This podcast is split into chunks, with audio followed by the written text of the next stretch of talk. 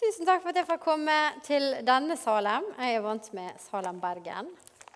Det er veldig veldig kjekt å bli spurt om å få komme til en ny plass.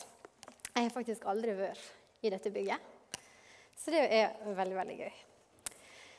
Eh, du ser på skjermen at tittelen for talen er 'Jeg en eukarist'. Og eh, Du skal få tygge litt på denne spennende tittelen. Kanskje er du litt teologiinteressert, og da vet du kanskje allerede hva det betyr. Men jeg håper at i løpet av kvelden så har du lyst til å bli en eukarist, du også. Og at du klarer å holde deg fra å google det litt lenger. Jeg blir sjøl kalt Googlo av mannen min, så jeg vet at det kan bli veldig vanskelig å eh, holde seg. Men bare vent, så skal du få vite litt hva det handler om. For dere som ikke vet hvem jeg er, så er jeg Det er sikkert mange som ikke gjør. Eh, så heter jeg Lydia Sindland og er sunnmøring, som du sikkert hører, og bor i Bergen der jeg er lærer i en innføringsklasse for nyankomne elever. Og går i Salem, Bergen og gift med Ole Kristian. Kort fortalt. Eh, eukaristeo er egentlig eh, ordet som eukarist er henta fra. Og Det er et ord som jeg aldri hadde hørt før i høst, men som i løpet av de siste månedene så har det vokst til å et, bli et ganske viktig ord i min hverdag. Og For å sette litt rammer for den prosessen som har skjedd rundt dette ordet, så skal jeg fortelle litt om det som har skjedd i løpet av de siste åra i mitt liv. For det har vært noen år med ganske stor forandring, som et, eh, sikkert mange som kjenner seg igjen i etter hvert. i alle fall. Eh, at en blir ferdig med studiet, at en begynner å jobbe, eh, at eh, jeg har kjøpt leilighet, at jeg gifter meg. Så det skjedde noen ting i de overgangene som jeg personlig har kjempa litt imot. For når jeg var student, og egentlig fortsatt, så har jeg alltid vært en person som ville fått med meg alt. Og være der det skjer. Og eh, om det er bursdager eller konserter eller spillkvelder eller bibelgruppe eller brownies og iskveld eller fruktsalat og vaniljekesamkveld for de som er litt sunnere, så er det på en måte vært den jeg tror det er naturlig når en er i eh, studie og sånn tidlig jobbfase i livet, at en vil være En har lyst til å få med seg alt. Om det er leirer eller konferanser eller jenteturer eller hytteturer eller skilørdager eller hva det, hva det skal være, så har jeg måttet innsett at jeg er en person som har ville fått med meg alt som skjer. Og plutselig så gikk hverdagen over til å være litt annerledes. Og jeg var på jobb til sene ettermiddagen. Um, men samtidig så ville jeg få med meg disse Grace Anatomy-tirsdagene og bursdagene og iskulene og 10 kilometerne. Og så var energinivået litt annet, og tidsperspektivet var et litt annet. Og midt oppi problemstillingene der så følte jeg også at jeg å, ikke hadde nok egentid, eller solotid, med Gud. Så jeg følte at jeg kjempa veldig lenge mot denne mangelen på tid. At jeg hasta fra det ene til det andre og hadde konstant dårlig samvittighet for at jeg ikke fikk nok tid til, til å være med venner. Jeg ringte ikke venner nok, og jeg fikk ikke trent så mye som jeg ville. Og jeg ville ha meg tid i Bibelen. Det ble en sånn ond sirkel, så jeg begynte å føle meg av mangel på et norsk ord messig, eller rotete, kanskje.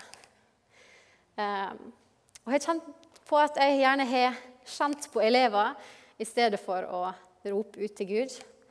At jeg hørte på meningene til mennesker rundt meg i stedet for å faktisk lese hva Gud sier om meg. Så jeg har hasta, og jeg har såra, og jeg har ikke sagt takk. Så nå var det spoiler alert om at det er noe om takknemlighet talen handler om. da. Men det er sånn min kamp har vært de siste åra. Og kanskje er den sånn for deg, kanskje kjenner ikke du deg igjen i dette her i det hele tatt. Men jeg har snakka med nok venner til å innse at dette her virker som det er en kollektiv greie. At en føler at det er hastverk fra øyeblikket en står opp, så skal en siste liten ut døra, så skal en på jobb, og så skal en lage til klasserom og møte og prøve å være alt en vil for disse elevene. Også til bibelgruppe og rydde kjøkken og lage middag og alt. Og så stoppa jeg opp i høst eh, fordi jeg har en venninne som jeg syns er et veldig stort forbilde på dette med å senke tempoet. Og hun har hatt veldig fokus i sitt liv på å hvile.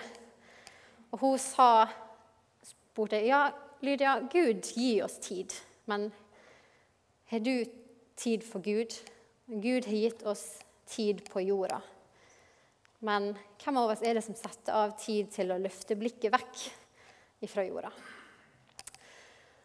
Og så har dette vært en litt sånn prosess eh, over tid. Og så så jeg la seg en, eh, en studie for noen måneder siden om at for no et par år siden ble det gjennomført en global studie på internasjonalt nivå med over 20 000 kristne som deltok.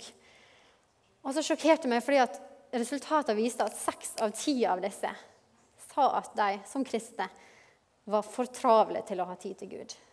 At de var for travelt opptatt til å gi Gud ære, for travelt opptatt til å, gi, til å puste. Og så den siste så stoppa jeg ved for travelt opptatt til å nyte Gud. Eh, jeg tror at vi trenger at noen viser oss hvordan vi kan nyte Gud. Hvordan vi kan roe ned tempoet. Så vi skal lese fra der. Johannes evangelium, kapittel 18, vers 40-41. Så stanset Jesus og befalte at den blinde skulle bli ført bort til ham. Da han var kommet dit, spurte han ham, 'Hva vil du at jeg skal gjøre for deg?' Han sa, 'Herre, at jeg må få se.' Og er du som meg, så har du kanskje lest eller hørt disse versene, og så har du tenkt fysisk. sant? Å se. Fysisk se.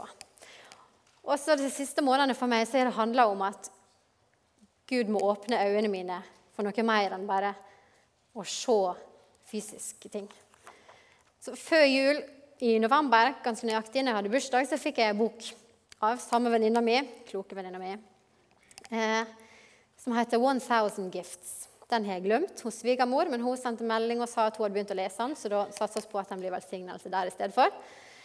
Eh, og den er blitt en kilde til utfordring, på godt og på vondt, for meg det siste halve året. Og hun skriver i denne boka Anne Voskamp heter hun. Every moment I live, I live bowed to something. Hvert øyeblikk du lever, så lever du bøyd for noe. And if I don't see God, I'll bow down before something else. Så hvis jeg ikke ser Gud, så bøyer jeg meg ned for noe annet. Og Dette her har jeg sagt flere ganger i taler tidligere, og jeg tror det av hele mitt hjerte at oss mennesker er skapt for å tilbe. Du er skapt for å gi livet ditt til noe. Og hvis du ikke gir livet ditt i etterfølgelse av Jesus, så kommer du til å gi det i etterfølgelse av noe annet. Hva vil du at jeg skal gjøre for deg? Oi. Herre, at jeg må få se. Jeg syns det er ganske fantastisk, og jeg kjenner at det er en, en inderlig bønn for meg sjøl og for oss som familie.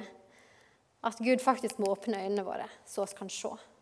At oss ikke bare overlever, at oss ikke bare er til stede med flakkende blikk, jeg vet det er en trend i menigheten at en føler at en sitter og ser, prøver å ha en samtale, og så er egentlig øynene rundt forbi. At vi ikke skal bare ha og få og ta, men at vi kan se. Så her kommer mitt nye favorittord inn i bildet. Jeg har alltid vært eh, litt lingvistnerd. Når jeg gikk engelsk eh, lærerutdanning, så var mitt favorittfag det var sånn fonetikk sånn uttale og sånn. Sista og sister og sånn. Så jeg har alltid vært litt nerd. Og nå skal jeg gjøre deg til litt lingvist-nerd. For egentlig har ordet eh, eukarist, eller jo en veldig enkel betydning, men oss tar den vanskelige veien bare for gøy. For grunnstammen til eukaristeo, det er midten, midt i så står det karis. Det betyr nåde. I den siste nattverden så tok Jesus brødet, så at det var nåde gratis og takka. Han tok brødet, så at det var ei gave, at det var gitt fra Gud, og takka. Så det betyr nåde. Og I tillegg så inneholder det kara, som betyr glede. Og Hvis vi er helt, helt ærlig, så er ikke det egentlig det oss som mennesker Det ligger i vår natur at det er det vi ønsker i livet. Glede. Og da mener jeg ikke svinnende, eh, enkel, flyktig glede, eh, men djup, gjennomtrengende, vedvarende i det tyngste mørket type glede. Og så er det et sitat fra denne boka som er blitt værende hos meg. Deep kara, altså glede, is found only at the table of thanksgiving. At djup glede er, funnet bare ved takknemlighetens bord. Så la oss kviskre med den blinde tiggeren. Gud, har så lyst til å se.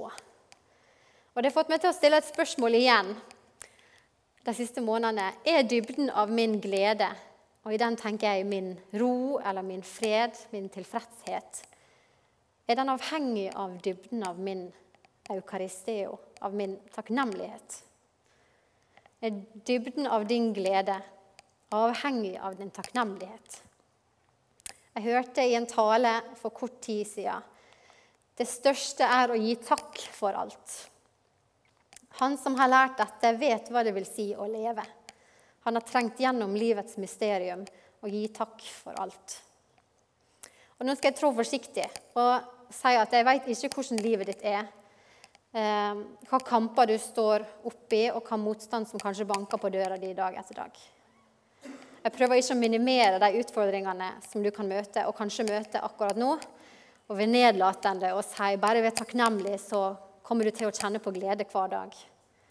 Jeg har full respekt for at livet kaster oss mellom noen høye bølger innimellom. Eh, samtidig så har jeg hatt den opplevelsen de siste månedene av å senke tempoet og se Gud i noen små øyeblikk eh, har blitt en liten bit av himmelsk magi, kan en kalle det, som jeg har hatt lyst til å gi videre. Så se den nyansen. Og så så jeg, når jeg så etter, så fant jeg noen eh, trekk ved min egen takknemlighet. Når en begynte å tenke etter. Hvordan har min reise med takknemlighet vært ubevisst, kanskje, gjennom livet? Og Den første er at jeg har en tendens til å bruke en veldig brei pensel over alt som jeg er takknemlig for. Eh, jeg har hørt og lest Efesene 5,20 hele livet. Takk alltid Gud, vår Far, for alt som Herren Jesus Kristus har gjort for oss. Og kan minnes sengekanten når jeg var liten, mamma eller pappa som kom inn og spurte hva har du lyst til å takke for i dag, Lydia. Og så begynner du å takke for Camilla og Sara, søstrene mine, og mamma og pappa, og mormor og morfar, og farmor og farfar, og tante Berit og onkel Lars. Sant? Alle 50 personene som hos i nærmest familie.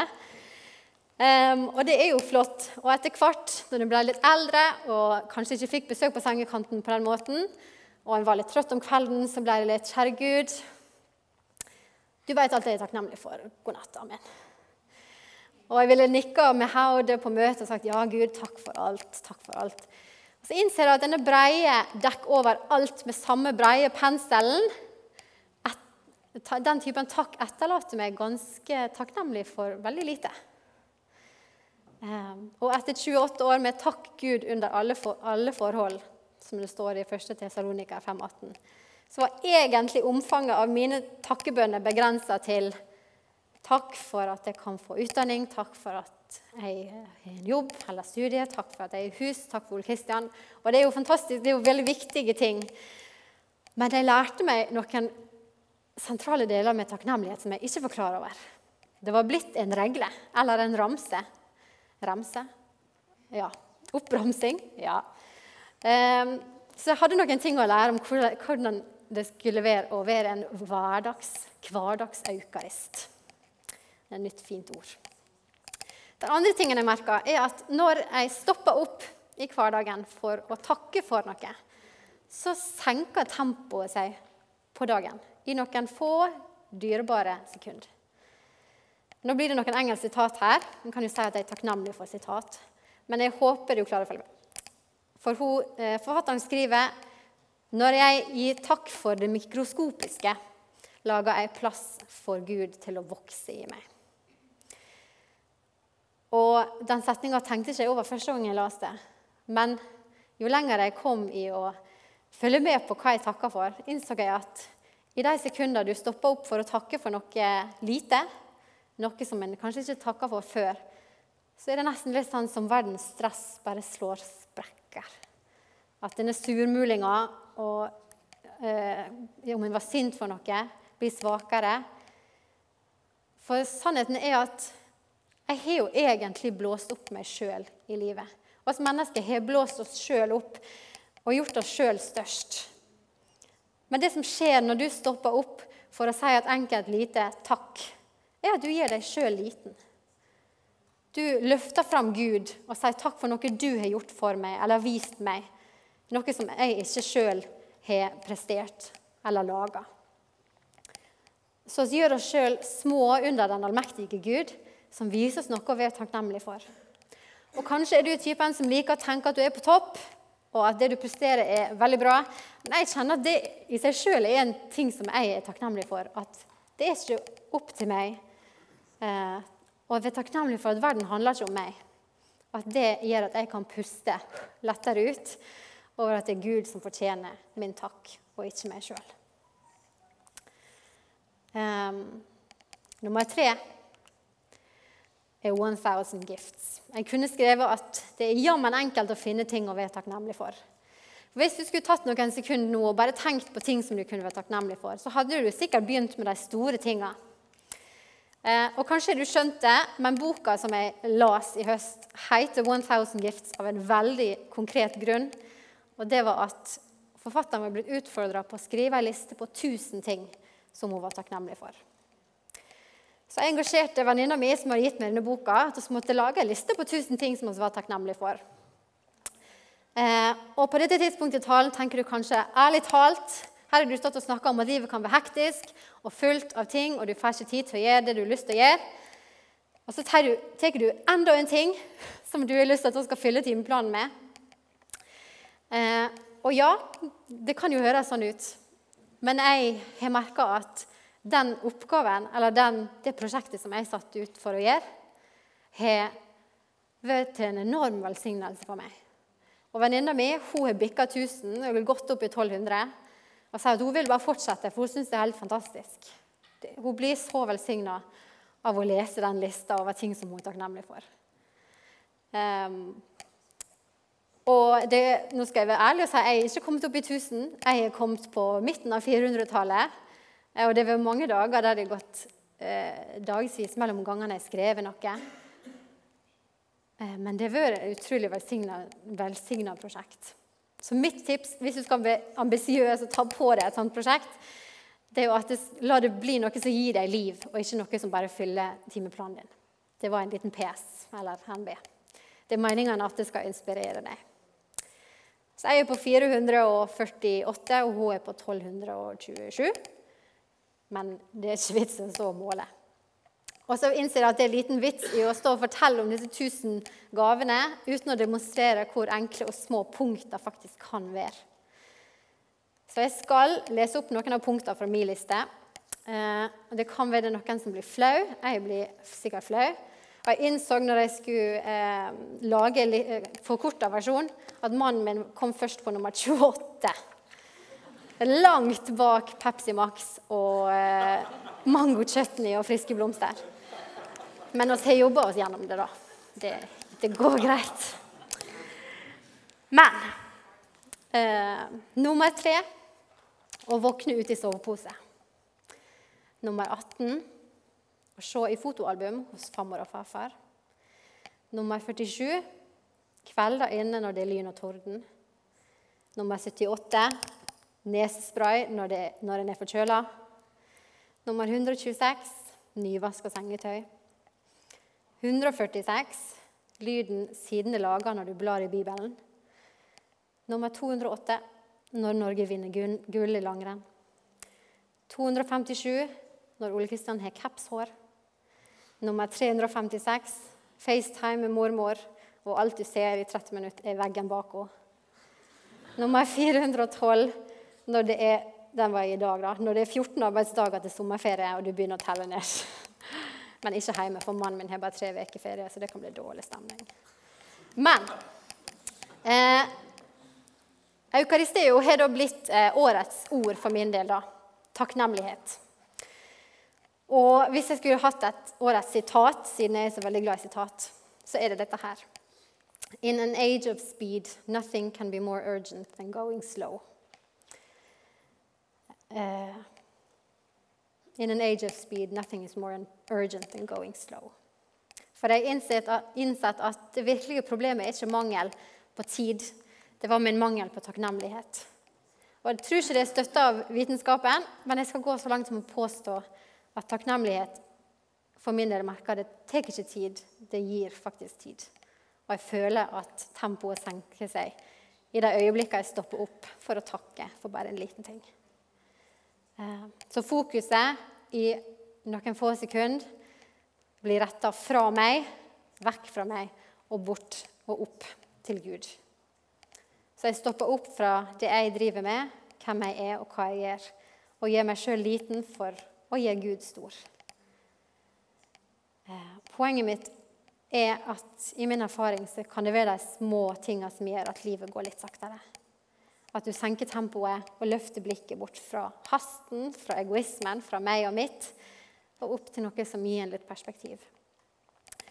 Og så melder jeg tilfeldigvis med hovedvenninna mi i dag. Og så skriver hun til meg eh, PS ville bare minne om et sitat fra Thomas Sjødin Hvile hjelper oss fra å måtte ha alt vi elsker, til å elske alt vi har. Så det tror jeg at jeg vil avslutte med. Så oppfordrer jeg til å lese 1000 Gifts da. og Bibelen, men kombinert. Hvile hjelper oss fra å måtte ha alt vi elsker, til å elske alt vi har. Mm -hmm. Så vil jeg be litt til slutt. Takk, kjære Jesus, for at vi skal få løfte blikket vekk fra oss sjøl, fra det som oss gjør i hverdagen, fra det oss kan prestere og det oss kan lage og gjøre og få til. At vi kan løfte blikket opp til deg og gi deg takk og ære for ting som du har plassert i livet vårt. Stort som smått, Jesus, så ønsker du å åpne øynene våre og vise oss mer av hvem du er, hva du har gjort for oss, og hvem og hva du har plassert i livet vårt, Jesus. Jeg ber om at hver enkelt her inne kan eh, bli utfordra på å gi deg takk for det som de har i livet sitt. Noen dager kan det være vanskelig å finne noe å være takknemlig for. Noen dager så ser en ingenting annet enn ting en er takknemlig for. Jeg ber Jesus om dette kan være en tanke som kan velsigne alle som sitter her inne. Må du minne oss på å åpne øynene våre for for det som du har gitt oss, Jesus. Hjelp oss til å vokse mer i, i ditt bilde. Hjelp oss til å senke tempoet og ikke være for opptatt og for hastende og i farta til å legge merke til de små tingene som du vil vise oss. I ditt navn, Jesus. Amen.